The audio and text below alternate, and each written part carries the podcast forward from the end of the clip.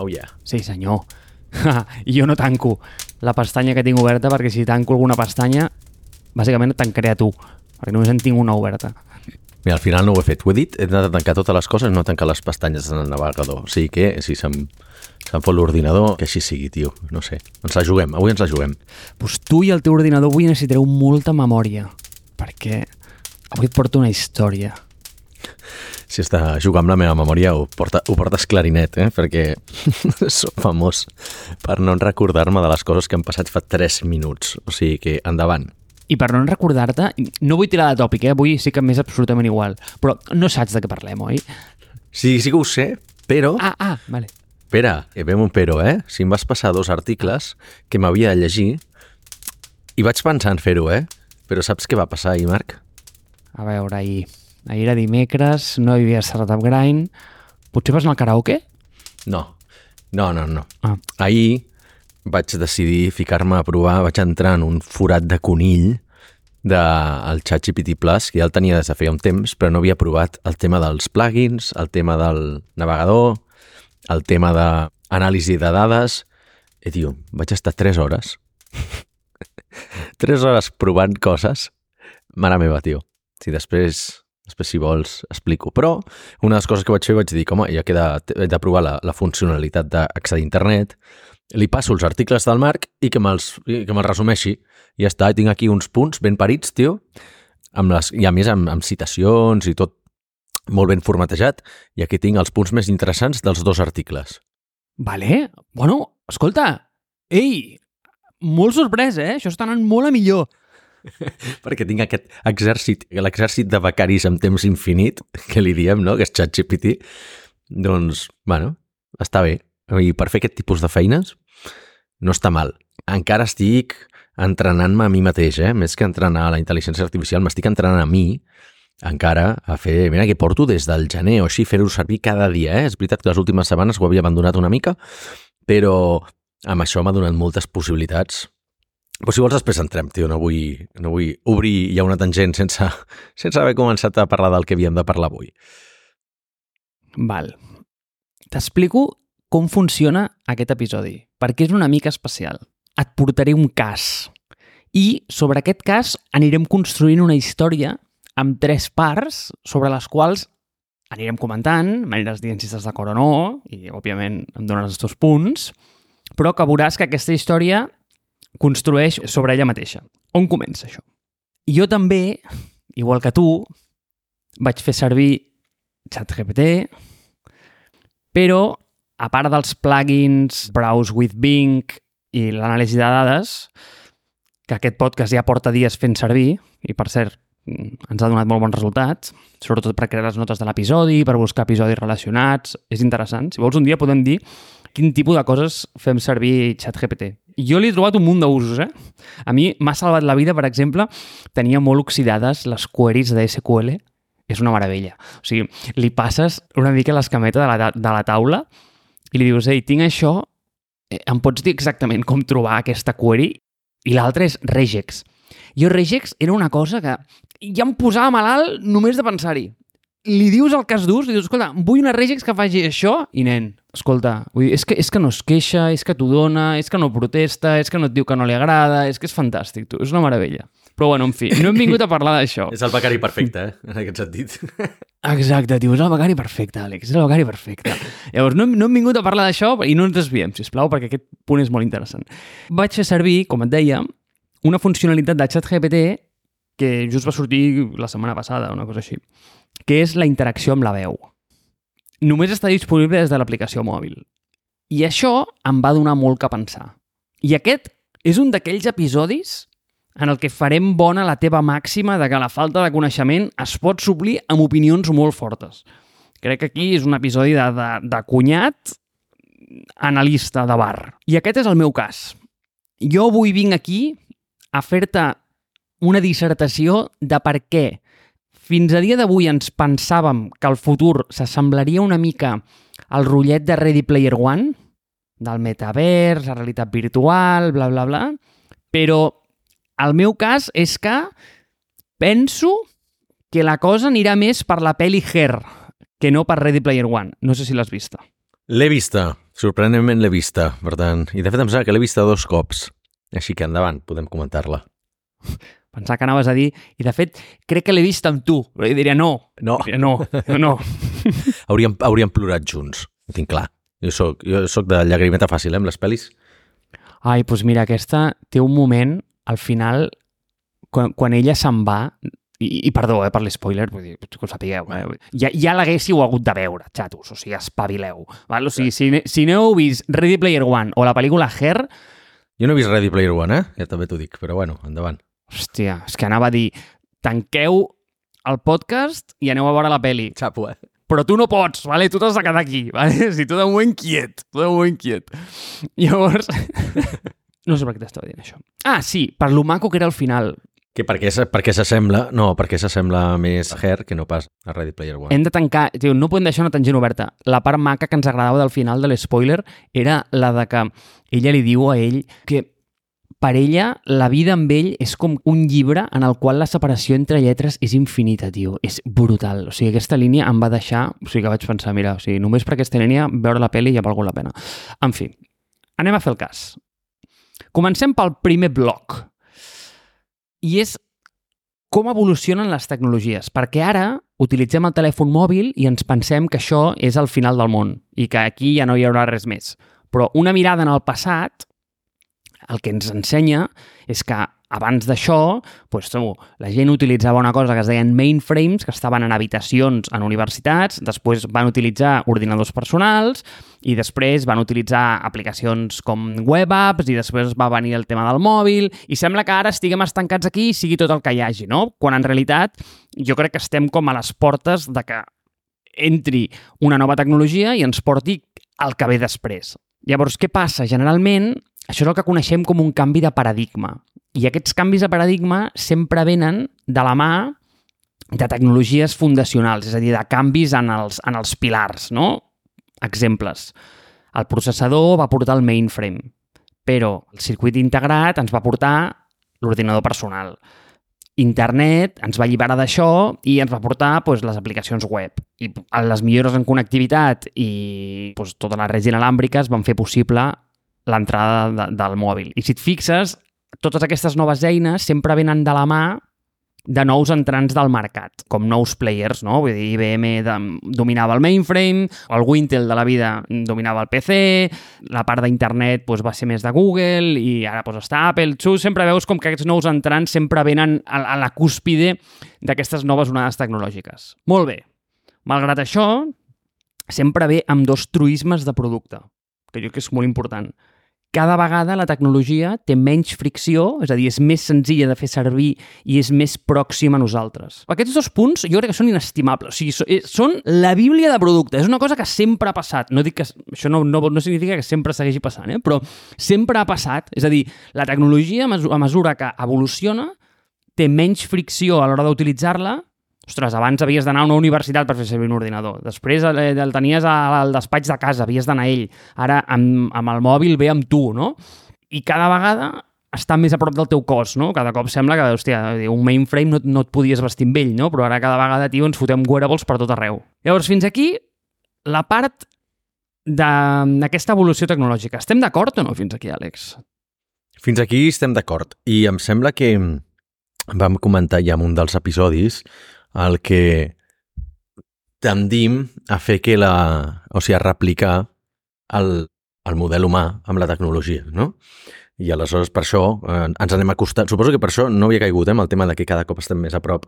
Sí, sí que he caigut que cada cop estem més a prop de la tecnologia, però no en la forma, no en el, en el format físic que dius tu de, ostres, ens estem acostant, ens la posem a la roba, ens la posem o sigui, amb els wearables, ens la posem amb, amb temes de salut, la portem al cotxe, no? Aquest tipus de coses, cada cop tens més, més intel·ligència adossada.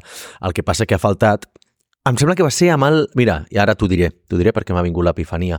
En l'episodi de la censura a internet, en aquell vam començar a dir a veure com evolucionava el llenguatge i la comunicació amb la tecnologia, no? I que cada cop intentàvem fer, doncs, fer, fer feta la llei, feta la trampa, i cada cop anava evolucionant més el llenguatge. No? Primer havia estat uh, un llenguatge de text, després va passar el d'imatges, després va passar el de vídeos, que al final és una miqueta també el que, el que ha estat l'evolució de la comunicació humana. No?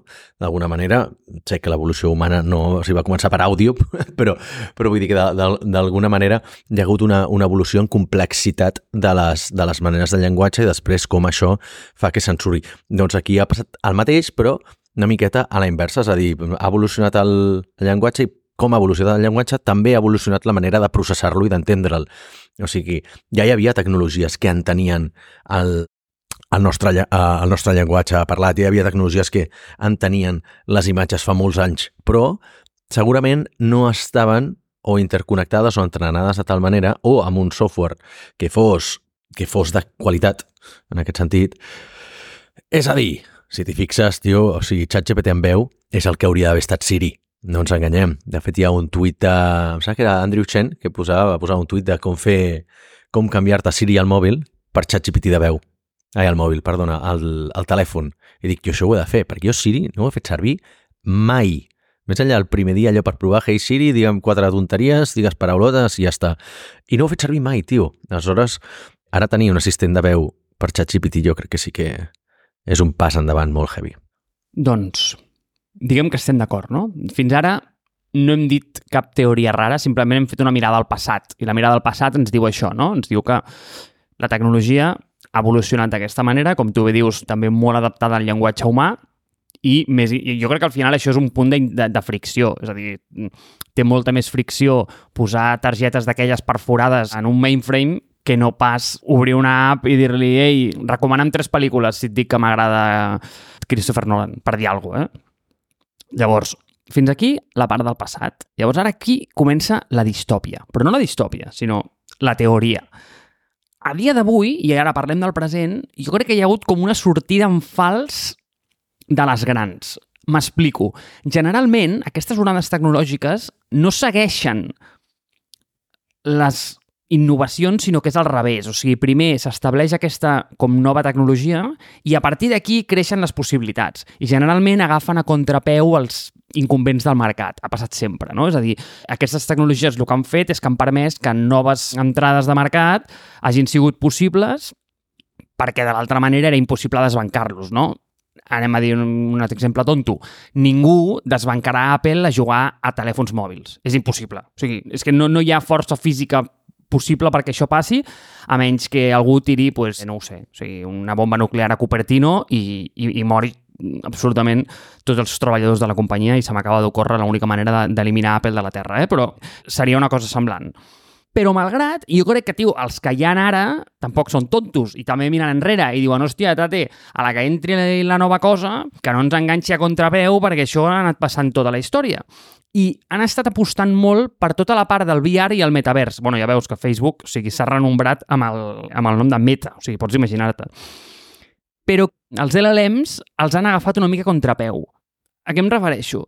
Han començat a construir com una història al voltant de la realitat virtual, ja veus les Vision d'Apple, ja veus la, tot el rotllo d'Oculus de Meta, però no ha sigut una tecnologia que realment hagi enganxat gaire a nivell d'usuari, crec que està molt lluny d'estar de, de, ready per la comercialització, i per altra banda, trenca un dels dos truismes aquests de producte, i és que no té menys fricció que el mòbil. És a dir, hòstia, és, a mi em recorda més a, una, a un ordinador de desktop que no pas a...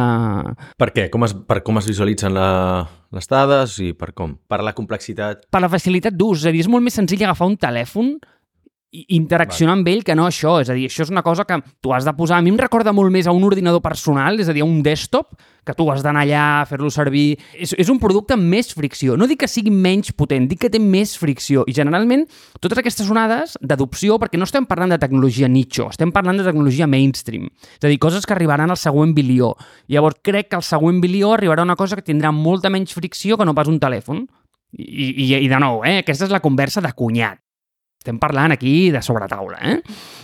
Però jo penso que ells han volgut com imposar un futur perquè no es volien quedar desbancats, malgrat és molt interessant perquè et dona aquesta idea de que ni el més poderós pot jugar amb la història i amb com succeeixen els events i tot el rotllo de la intel·ligència artificial i els models de llenguatge natural els han enganxat absolutament a contrapeu i crec que ara per primera vegada hi ha com l'oportunitat de que aparegui un dispositiu diferent a un telèfon que capitalitzi sobre totes aquestes eines. I això és el que em porta a la part 3. Algun comentari sobre la part 2?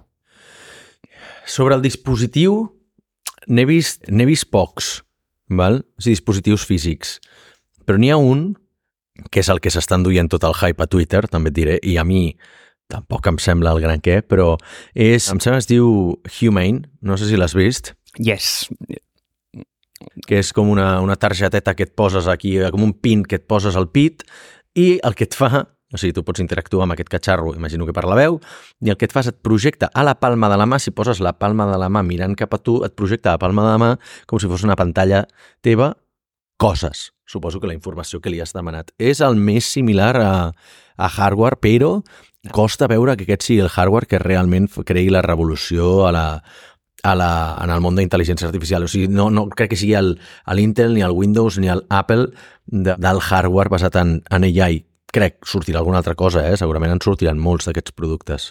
Jo crec que hi ha hagut dues companyies que han aixecat una quantitat de diners de no entendre res i després s'han fotut l'hòstia més gran de la història. La, la primera va ser que hi ha un documental fins a Netflix, es van dir General Magic, que intentaven aquell dispositiu que bàsicament el que era era un Siri amb vitamines, és a dir, era un d'això que tu li deies me'n vull anar a Dubai i et donava com totes les opcions ja de tots els millors bitllets que hi havia, els millors hotels, tot, i, i era com una mena d'assistent personal, que passa que, clar, òbviament, vull dir, molt, vull dir, molt fora de lloc a nivell temporal, sense les eines necessàries tecnològiques, és a dir, sense el fonament tecnològic necessari, i sobretot, vull dir, va ser una companyia que vivia del capital risc fins que, bueno, doncs és allò de crash and burn, no? O sigui, a la merda. De quin any estem parlant? No, no me'n recordo jo de General Magic. Finals dels 90, jo crec. És que té nom de típica empresa que estava darrere d'algun software que fem servir, saps? Perquè en els anys 90 i tot això tu feies servir, per dir alguna cosa, eh? Winam, o, o jo què sé, o Kazaa, però l'empresa que hi havia darrere es deia General Magic, o General Labs, o Software Labs, saps? Vull dir, no tenien mai a veure el nom de l'empresa. Res, una petita collonada, però sempre, sempre feia gràcia com miraves els permisos i la, la privacitat de, de, de les empreses. Però quin és l'altre? Perquè has dit dos. Un és aquest? I sobre General Magic, jo és que recordo... És que em podria equivocar. Però em pot sonar d'allà van sortir com molts enginyers d'Apple que se'n van a fundar aquesta companyia. Que sí, home, sí, que era, tenia el logo aquell que era com un conill amb, una, amb un barret. Eh, és igual, no ho sé. De- Després t'ho passo. Ho posarem a les notes, òbviament, com sempre. I l'altre era Magic Leap. Totes tenen Magic en el seu, Magic Leap, sí, sí que em sona. Sí, sí, Magic Leap, sí. Mira, de fet, un dels meus highlights a Ironhack, de les primeres fornades d'estudiants que van entrar, un d'ells se'n van a treballar a Miami, a Magic Leap, perquè tenien allà el headquarter, i tio, va ser com la primera cosa que vam posar a la web. I, de fet, era exactament el mateix, no? Tecnologia superopaca, aixeca gasillons de dòlars, ningú sap exactament què està fent, fins que fins fa poc van fer una demo del producte i bàsicament eren unes, tipus unes Oculus, però que ja no se n'ha sabut res més. És a dir, no, no vulguis saber això com, com ha acabat. Llavors, ara sembla que hi ha com aquesta mateixa idea amb OpenAI. T'has fixat que han contractat, o hi han rumors de que han contractat l'agència de disseny de Johnny Ive, l'exdissenyador d'Apple? No, però no em sorprendria. Pues mira, aquí tens una altra història, jo no sé si aquesta serà de fracàs o no, però almenys aquests tenen un producte que funciona. I hi ha una oportunitat d'aconseguir-ho. I això és el que em porta com a la part 3. És a dir, per què aquesta vegada és diferent? Jo crec que hi ha dues coses que fan tota la diferència del món. La primera és que per primera vegada canvia una mica el model de generació de contingut a les xarxes i amb això que em refereixo. Fins ara sempre hi havia hagut com una limitació humana a què veies tu en el teu feed. I quan dic en el teu feed vull dir en el teu muro o a la teva, no sé, vull dir, a les teves interaccions socials, no? I quan dic una limitació humana em refereixo a que el contingut l'havia de fer un humà i és, és la realitat. És a dir, quan algú penja una foto perquè ha fet una voltareta a la platja un dia, aquella foto l'ha fet ell. Però ara, a partir d'ara, tot aquest contingut es pot sintetitzar i el pot generar una màquina cada cop més i cada cop serà més indistingible. I aquest punt crec que no ha de ser dismissed, com es diu, com overlooked. Eh, des, des, des, despreciat o no es pot, no, obviat. Això, obviat, no pot ser obviat, perquè ara, és a dir, el teu feed ara literalment és infinit, perquè el contingut pot ser o és susceptible de ser generat per una màquina. Aquest petit detall o aquesta estupidesa jo crec que et porta en aquesta idea de les xarxes socials sintètiques, com que ja no saps on està la línia entre on està el contingut creat per humans i el que no. Llavors, aquest punt és el primer. Ja, d'entrada, on hi havia una limitació, ara ja no hi és. I la segona és el que tu dius, Àlex, que a l'input d'entrada d'aquests models és multimodal. O sigui, ja no només és escriure-li, que té una mica de, de fricció, com sempre dèiem, sinó que, i de veritat, no sé si ho has fet, però tingues una conversa amb ChatGPT. O sigui, no és Her, d'acord? No és, encara. Però és que li falta tan poc. Li falta tan poc. Quin tipus de conversa? Quin tipus de conversa, Marc? El que vulguis. De què parles? Mira, per començar... Et sents sol, Marc? Bueno, mira, et diré que no, perquè afortunadament tinc una red molt àmplia de gent a la que acudir, però veig perfectament el cas d'ús per gent Exacte. Que no té la sort i el privilegi que tenim nosaltres. És a dir, de que té, ostres, una xarxa molt rica de família, amics, un suport brutal. És a dir, si jo ara que són les 10.32, decideixo que vull anar a fer un cafè a les 11, simplement he d'agafar el mòbil i cony, que no me les vull donar de popular, macho, però és que tinc amics, saps o no? sigui... Déu meu, però no estan en aquesta conversa. O sigui... a veure, estic intentant demostrar a la gent que tinc amics, vale? no, això vol dir que potser no en tinc ni un. Jo vull saber de què va anar la teva conversa amb ChatGPT. Vull dir, no, no descarrilis. O sigui, n'he tingut moltes, eh, de fet, i te les puc ensenyar, però... vale, perfecte. M'has portat al punt on volia portar l'episodi. Mira, primer vaig començar a tenir converses molt transaccionals. És a dir, volia intentar entendre qui era, què em deia de quina és la teva identitat. Li vaig preguntar sobre la realitat virtual. Què creus que és tu la realitat virtual? On comença? On acaba? I jo li vaig posar com casos d'exemple. No? Li vaig dir, i si vaig a veure una pel·li, realitat virtual o no? Tu què creus? I diu, Àlex, o sigui, és la puta conversa més informada que he tingut a la meva vida, ¿vale? Però aquí jo sabia que estava parlant amb aquesta agent o amb aquesta intel·ligència.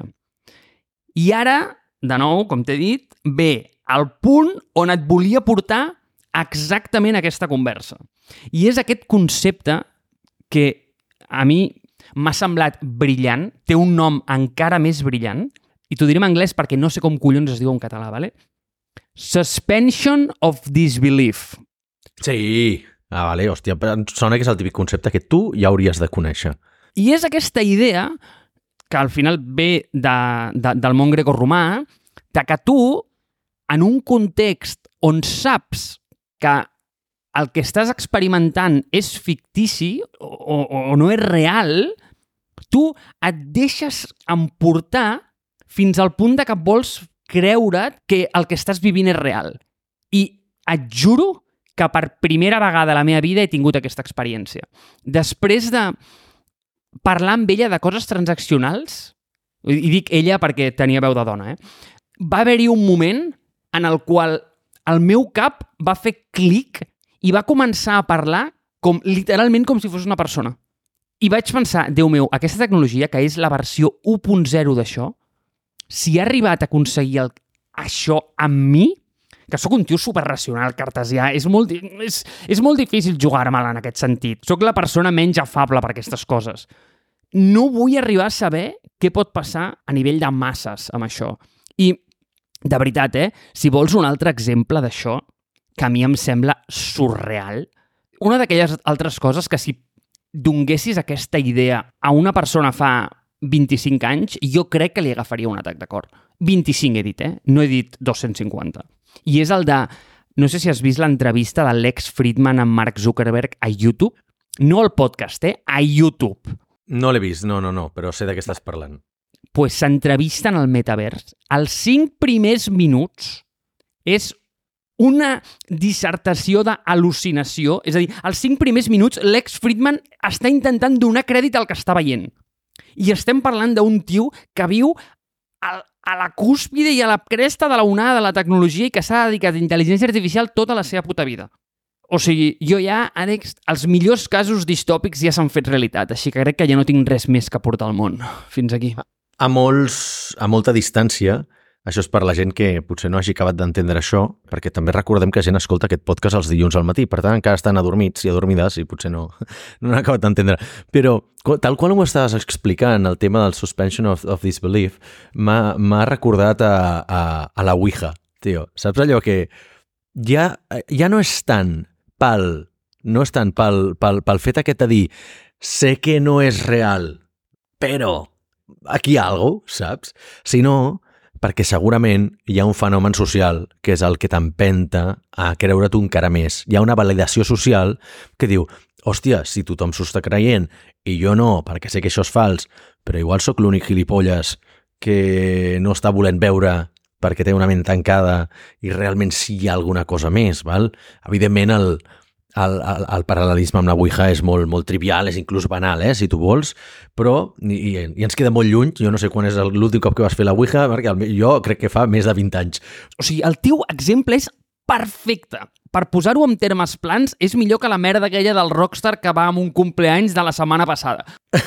Això és l'exemple perfecte, però encara et dono més la raó, perquè en aquest hi havia pressió social del tio del costat. O sigui, tu necessitaves creure-t'ho, però jo estava puto sol caminant pel carrer parlant amb xat GPT. Ah, no tenia pressió social de creure-m'ho, però és que simplement va haver-hi un moment que vaig dir, macho, aquí al costat hi ha una persona, joder, saps? I perdona, que t'he tallat. En tens una, però és molt subtil. No, però en tens una i és molt subtil. Perquè no sé fins a quin punt el, si ChatGPT, les versions actuals i tot això, em sembla que sí, eh? Vull dir, passen el, passen el test de Turing, no? El de, tu no pots distingir si en realitat hi ha una persona allà darrere o és una màquina a tu, en, en aquest moment de la conversa, et podien haver canviat a una persona real i tu no ho sabries, saps? I te podrien haver tornat a ficar al xat GPT i no sabries si tinguessin exactament la mateixa veu. No? Sí que tens una miqueta l'exemple, si vols agafar amb pinces, però hi ha una certa validació social pel fet que, com que ja estem tots acceptant la realitat, que la, la intel·ligència artificial ja està molt avançada, que ChatGPT és l'hòstia, tu no fas més que rodejar-te de gent que fa servir ChatGPT o que parla de temes d'intel·ligència artificial i estan flipats amb el tema. Si sortim una miqueta d'aquest espectre de gent, no hi ha tant aquesta validació social, no? O sigui, o sigui pot ser que els hi dones l'atac de cor si tu li ensenyes... Si tu li ensenyes a Josep Pla això, saps? Una màquina que li escriu els seus putos llibres millor que ell, saps? Doncs, eh, evidentment, li donaria un atac de cor. Bueno, segurament no, segurament l'insultaria, saps? I, I ja està, i s'aniria a fumar. Però, però hi ha una validació social mm, no, no en els teus cercles immediats, sinó a nivell global. És a dir, és una tecnologia que ha guanyat una viralitat i una exposició tremenda i que d'alguna manera també et sorprens més per, per, hòstia, el que han fet l'altra gent, no? O sigui, cada dia, cada dia, tio, el Twitter em va ple de coses que, mira què he fet amb ChatGPT, saps? I, hòstia, tu penses, hòstia, i et va creant una imatge de ChatGPT de, és, és el putíssim Déu, saps? Vull dir, és millor que Jesucrist, ChatGPT. O sigui, pot fer moltes més coses. Jesucrist transforma l'aigua en vi, però ChatGPT, tio, li passes una imatge i, i te la transforma en text. Li passes un, un Excel, una captura d'un Excel i et fa el puto Excel, saps? Li passes... Uh, vaig estar experimentant amb àudio, encara no funciona del tot bé, però jo crec perquè els àudios estaven en castellà i en català, m'hauria de provar en anglès, però li vaig passar àudios i literalment ja et pot tra transformar els àudios i fer-te i fer-te transcripció i totes aquestes coses. Pot navegar per internet, pot fer molt, moltíssimes coses, no? Si pots tenir una conversa, com el que dius tu, doncs, joder, és que té moltíssims superpoders. Però hi ha una validació social en la que tots hem comparat això de, hòstia, ChatGPT és l'eina dominant. Et donaré un altre exemple, eh? Amb això tanco aquesta petita tangent, però és veritat que ChatGPT fa moltíssimes coses, però no deixa de ser un generalista. Val? Fixa't que la majoria d'eines que fem servir, tu segur que tu també les fas servir, ja tenen un, un, un, un, un model, una, una eina, un plugin, una funcionalitat d'intel·ligència artificial molt més específica i fa les coses millor. No? O sigui, si fem servir, doncs, per exemple, si féssim servir Happy Scratch per la traducció, per la, tra la traducció de textos i la transcripció, és molt millor que el que pugui arribar a fer ChatGPT, segurament. Per què? Perquè és una eina especialista. El, la, el plugin, la funcionalitat que té Superhuman per escriure correus, com que està entrenat amb el meu propi estil, amb el meu corpus de correus de tota la vida, de diverses comptes de correu, escriu els correus com jo. Val? Però ChatGPT no podrà escriure un correu com jo perquè no el puc entrenar. No? Bueno, amb això el que volia dir és que sí, hi ha una validació social, punt 1, val? o sigui, encara que tu la vulguis descartar, hi és, no, no és en el cercle de gent que et rodeja en aquell precís moment, en aquell instant en què tu estàs fent servir l'aplicació, però tu ja has condicionat, perquè tothom t'està parlant d'això dia, eh, dia rere dia, t'esbomben el tema de ChatGPT, intel·ligència artificial. I dos, la importància de no deixar-nos endur per les genèriques i generalistes perquè al final sí, és la que està creant el mercat, és la que està creant el, el Blue Ocean aquest, és la que està assegurant que aquesta tecnologia tan disruptiva traspassa les fronteres, els límits on moltes tecnologies es queden, no? el crossing the chasm, el, el, el passar l'escletxa aquesta que moltes tecnologies no arriben a ser a, a, a, arribar a un percentatge de societat suficientment alt com que, perquè esdevinguin un estàndard de, de, de mercat, però les, la generalista no és la que ens solventarà, ens solventarà la, la vida. O, la, bueno, o sí, potser és la que fa l'upgrade, el, el reskilling, moltes paraules en anglès, per cert, a tota la gent per donar-los més superpoders, però l'artesà, el, el mestre, aquell el que dèiem sempre, no? la persona que té el craft d'una cosa, haurà de tirar d'una aire molt específica ja sigui d'edició de vídeo amb AI, d'edició d'imatge amb AI, d'escriptura de llibres amb AI, de, jo què sé, del que tu vulguis, però haurà de tirar de les eines específiques perquè seran 10.000 cops millors. Vale, o sigui, estic 40% d'acord en el sentit de que Sí, i el número no és trivial, eh? O sigui, t'hagués dit 50 si hagués estat parcialment, però estic 40 perquè tinc més part en d'acord que en desacord, però no tant com per dir-te 80. Llavors, com ho veig?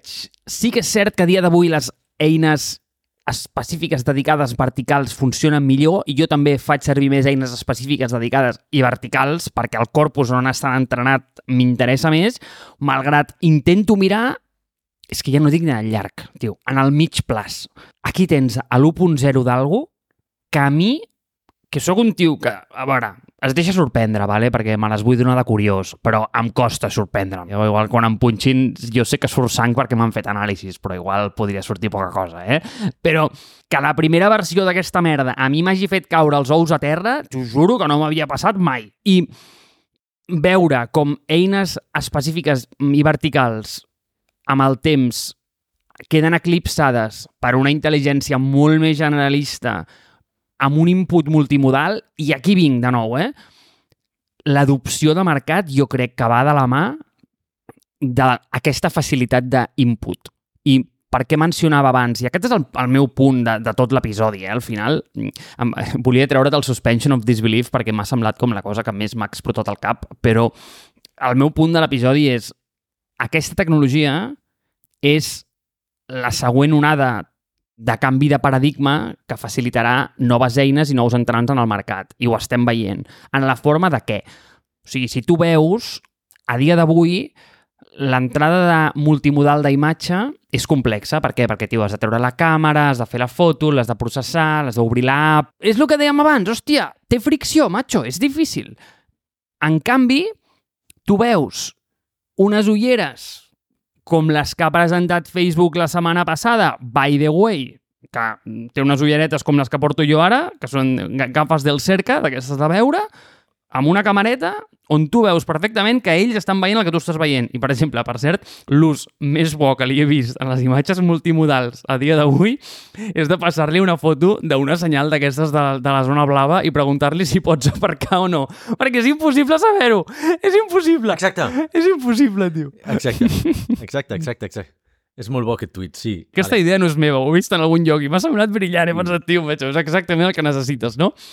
Però aquesta cosa aquest cas d'ús el veig molt més pràctic quan tens un dispositiu que abraça aquesta nova realitat que no com un apanyo dins d'un dispositiu que ja teníem que abraçava una realitat anterior. Exemple de tenir un mòbil amb una aplicació dintre que l'has de desbloquejar, obrir l'aplicació, fer la foto, processar-la, és complicat, no? Llavors, veus que per primera vegada, en molt de temps, i bueno, sigui, sembla que estigui emocionat. En realitat ho estic, vale? perquè em fa il·lusió, però vull dir que no tinc accions de cap companyia que estan promovent això. Eh? crec que realment hi ha una oportunitat de desplaçar el telèfon i, i em sembla superinteressant perquè és el que deia al principi. Ens hem cregut que la vida s'assemblaria molt a Ready Player One quan en realitat tens Her a la volta a l'esquina. Dóna'm un, un headset d'aquests tipus AirPods permanentment connectat amb una mica més de bateria que tinguis tot el dia a l'orella i, tio, és que tens un bitxo que dintre el cervell 24-7, eh? Val, si t'ho compro, hi ha, un, hi ha un, una cosa per la qual vull ser una miqueta més escèptic. És a dir, el- l'àudio, el que té, o si, fem, si realment ens, no, ja potser no és tant el mitjà, eh? és més el, el dispositiu que fem servir. Si fas servir, una de les avantatges de fer servir una pantalla, o telèfon en aquest sentit, però pot dir-li una pantalla, més que només àudio, és la, la, la, el, pots fer servir de manera asíncrona, no? Per què, per què ha triomfat tant WhatsApp? Perquè jo t'escrivo un mis- missatge, em contestes quan tu vulguis, m'escrius, al cap de dos dies jo et contesto, saps? I ja està. Amb àudio, sense pantalla, això és molt més difícil, no? Perquè no saps el que tens, el que tens pendent. Potser sí que hi haurà la típica interacció de léeme todos los mensajes que tengo pendientes, perquè evidentment les intel·ligències artificials li parles en castellà o així es veu a totes les pel·lis, o perquè, com, com ens passa molt als, als, als catalans, que, que, que tenim aquest petit complex de quan hem de fer una cosa mínimament seriosa, és a dir, business, comencem a parlar en castellà. Però bueno, dit aquest petit incís, eh, és veritat que és molt més fàcil llegir, és molt més ràpid, la vista et permet un input, un, un cabal d'informació molt més ampli que no pas el- que no pas l'àudio, no? i l'àudio és molt més intrusiu. Si només et permet una cosa a la vegada. A la vista pots veure tres o quatre coses a la vegada i processar-les totes. Processaràs pitjor o millor, però si tu estàs escoltant una persona parlar, no, si no pots escoltar dues persones a la vegada, no? O generalment, si estàs escoltant una persona, no li faràs cas a una, a una altra instrucció que t'estigui arribant. Si aquesta eina t'està llegint els teus e-mails i hi ha algú que t'està parlant, estàs bloquejat. Només pot ser... No et permet el multitasking en aquest sentit per aquell canal. Val? I l'altre és el que et deia, eh, t'obliga a estar molt més present, t'obliga a ser molt més síncron amb tot el que vulguis fer. Per tant, ens limita el bo de la sincronia, que té molts defectes també, és que et, et permet fer més multitasking, et, et permet distribuir millor les coses en el temps. Hi ha maneres eh, d'arreglar-ho tot, però és les primeres que, la, la, les coses que m'han vingut al cap ara. Aquesta és una. I després, no sé si havies acabat la, la dissertació, però has tret un parell, un- una cosa que té a veure amb una de les últimes fun- funcionalitats de ChatGPT, però et deixo que acabis primer, si vols. No, a veure, la meva dissertació havia acabat, malgrat tinc dos punts per tu que són boníssims, o sigui, que m'ha fet molta gràcia teus, de que pensava que quan has dit que els catalans ens posem serios i fem servir el castellà, pensava que anaves a dir que era per insultar, perquè realment els insults en castellà són, són més resultons que en català. És a dir, a veure, També. Són més guturals. És perquè són guturals, tio. Saps? Tu sabies que és això? no ho sabia, però És perquè són guturals. Té molta influència de l'àrab, no? que és, això passa molt amb altres idiomes, no passa, no passa només en el català, eh? però és veritat que hi ha altres idiomes que tothom diu, hòstia, els insults en castellà molen molt perquè són molt guturals. I eh, diuen que els pitjors insultadors del món, o sigui, pitjors, o sigui, els, els millors insultadors del món en aquest sentit solen ser els àrabs, perquè tenen un sistema fonètic molt, molt, molt gutural i fa que sembli més agressiu. De fet, els alemanys, perquè no tenen insults ni paraulotes gairebé, sinó serien molt bons insultadors, o els holandesos, saps? Però, però bueno, és per un tema de fonètica, eh? Sigui, ara, és veritat, tampoc ajuda que, que en català els millors insults siguin cap de trons i, i ves a veure un, llet de, un got de llet calenta, com deia el Vegeta, eh? Però, però so, és un, el nostre idioma és més aviat poc gutural. Aleshores, aquesta gu- guturalitat li afegeix més agressivitat. Clar, jo pensava que era perquè no teníem un vocabulari prou ric, és a dir, tanoca, cap de suro, és que són coses que tampoc són gaire atractives a l'insult. Bueno, pa passaré un fil de, de, ra- em sembla que era racó català o alguna així, que posaven com, que, com 3.000 insults en català, n'hi ha alguns que se't cauen els collons al terra, eh? també t'ho dic. Però com que no els fa servir ningú, no tenen la validació social aquesta. Bueno, vinga, va, doncs escolta, passa'm aquest fil i a veure si a partir d'ara puc començar a insultar en català. Tampoc insultar és una cosa que faci gaire, però sempre està bé com tenir el coneixement, eh, almenys per, per saber com, com gestionar... Podríem fer-ho nosaltres des, des d'aquí, en comptes de, de quan hagi de rajar de la gent de Globo o de Deloitte, doncs, faré servir amb insults en català. I així, així saps què? No m'entendran. Ah, mira, aquesta és interessant, veus? És que, hòstia, macho, tens unes idees per la història, eh? L'altre, que m'ha donat una bona idea del que has dit, és que és veritat, diem masses coses en anglès. Crec que, saps què? Ens hauria de patrocinar Ava English. Depèn de com els hi vagi, eh? perquè no sé jo com estan, però han passat diverses vegades per la UCI. Bueno, però per un patrocini de foc a terra jo crec que, bueno, jo crec que podrien, eh? A veure, si totes les empreses l'any passat es van patar als departaments de, de recursos humans i màrqueting, no que jo que tinguin per patrocinar foc a terra, saps? T'ho dic. Moltes d'aquestes amb prou feines tenen, tenen per pagar els seus propis sous. Però què, què t'esperes que ens donaran per patrocinar això, nen? No ho sé, però igualment costa, costa de justificar. Vindrà el financer i dirà, què és això? Saps? Dir, això és màrqueting, pues a tomar pel cul, saps? A fer la mà. No, però el que podríem fer, o sigui, és que veus, o sigui, és fer com un patrocini de permuta, és a dir, jo, nosaltres patrocinem i donem, imagina't, eh, producte d'AVA. Per a la nostra audiència que no entén eh, les, pels tecnicismes en anglès, els donem uns cursos d'AVA English. Hòstia, macho, és que sóc un geni del màrqueting, collons. Però, escolta, el, el, el que et anava a referir de, de, de l'entrada multimodal és que ja no sé el que et anava a dir. És que tu m'has dit, tenies més punts i t'he dit, no, ja no tinc més punts. I llavors tu volies continuar i no sé què volies dir. Val. Jo puc seguir parlant 32 hores d'això, perquè a mi aquest tema és que Sí. em fascina. Sí, Ja no cal mirar ciència-ficció, tio. És que la tens al carrer. Però si és que és la hòstia. Aquests models generalistes... Ostres, si això és la seva primera versió, em fa por pensar què passarà dintre d'un any. Jo, una de les coses que em fa... Mira, comentaré un parell de coses ràpides per tancar, per tancar l'episodi. Eh? Una és el tema del, el tema del context. No? Fa poc ChatGPT li, ja van implementar la part aquesta que tu li puguis donar les instruccions personalitzades, és a dir, dir-li exactament qui tu ets, o si tens 1.500 caràcters per descriure't a tu mateix, perquè ja directament tingui en compte qui ets. Val? O sigui, jo l'he posat, soc Àlex, soc el CEO d'una empresa, tinc eh, formació en, en desenvolupament, tinc molt coneixement de màrqueting, sobretot inbound, de ventes B2B, etc etc. perquè així ja d'alguna manera ja sap que, hòstia, doncs no li explicaré els bàsics de què és un framework de desenvolupament web quan és el CEO d'una empresa tecnològica i porta 20 anys programant. No té sentit que li expliqui, no? I això li dona, li dona un punt més d'evolució a ChatGPT. I també li pots posar, per l'altra banda, a algunes condicions, algunes instruccions específiques per no haver-ho de repetir a cada fil que obris a ChatGPT. No sé si ho has vist això, però està molt bé perquè ja li pots dir, sisplau, no em posis el típic missatge de soc una intel·ligència artificial o com a model de llenguatge ampli doncs no puc fer aquest tipus de judicis de valor o no tinc accés a aquesta informació.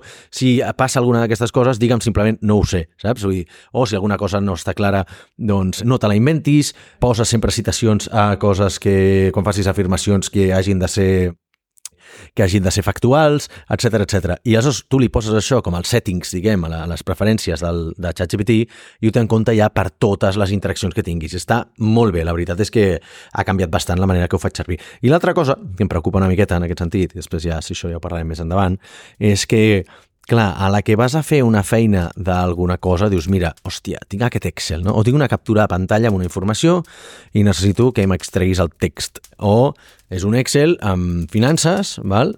i necessito que em diguis què vol dir aquesta casella o com fer que en aquesta casella tingui aquesta fórmula, etc etc. ChatGPT et diu, si us plau, ofusca'm les dades, perquè clar, nosaltres les tractem si tu vols, al nivell màxim de privadesa. Jo també entenc que en un mar infinit de dades de tota la gent que fa servir ChatGPT, home, no sé fins a quin punt m'hauria de preocupar que hi hagi un data leak i que algun dia treguin la informació financera d'una pestanya d'un dels 25 Excels que fem servir a Marsbase del 2023, saps? Vull dir, fora de context. No sé si això té molt de valor. Suposo que contra més, i com que tampoc pots, pots entrenar-lo amb les teves dades, són dades una miqueta random, no?, en aquest sentit. Però és veritat que hi ha un tema de privadesa i un tema d'esforç que dius, joder, doncs primer potser hauria de fer un xat GPT, ofusca'm aquestes dades i després passes al d'això, no? Però, però al final la feina d'ofuscar-les ja l'has de fer tu. Per tant, en aquest sentit, aquí no et treu gaire feina i hi ha un tema de privadesa que algun altre dia, si vols, ja tractarem. Però jo, per avui, em donaria per satisfet eh, amb tot el que hem parlat.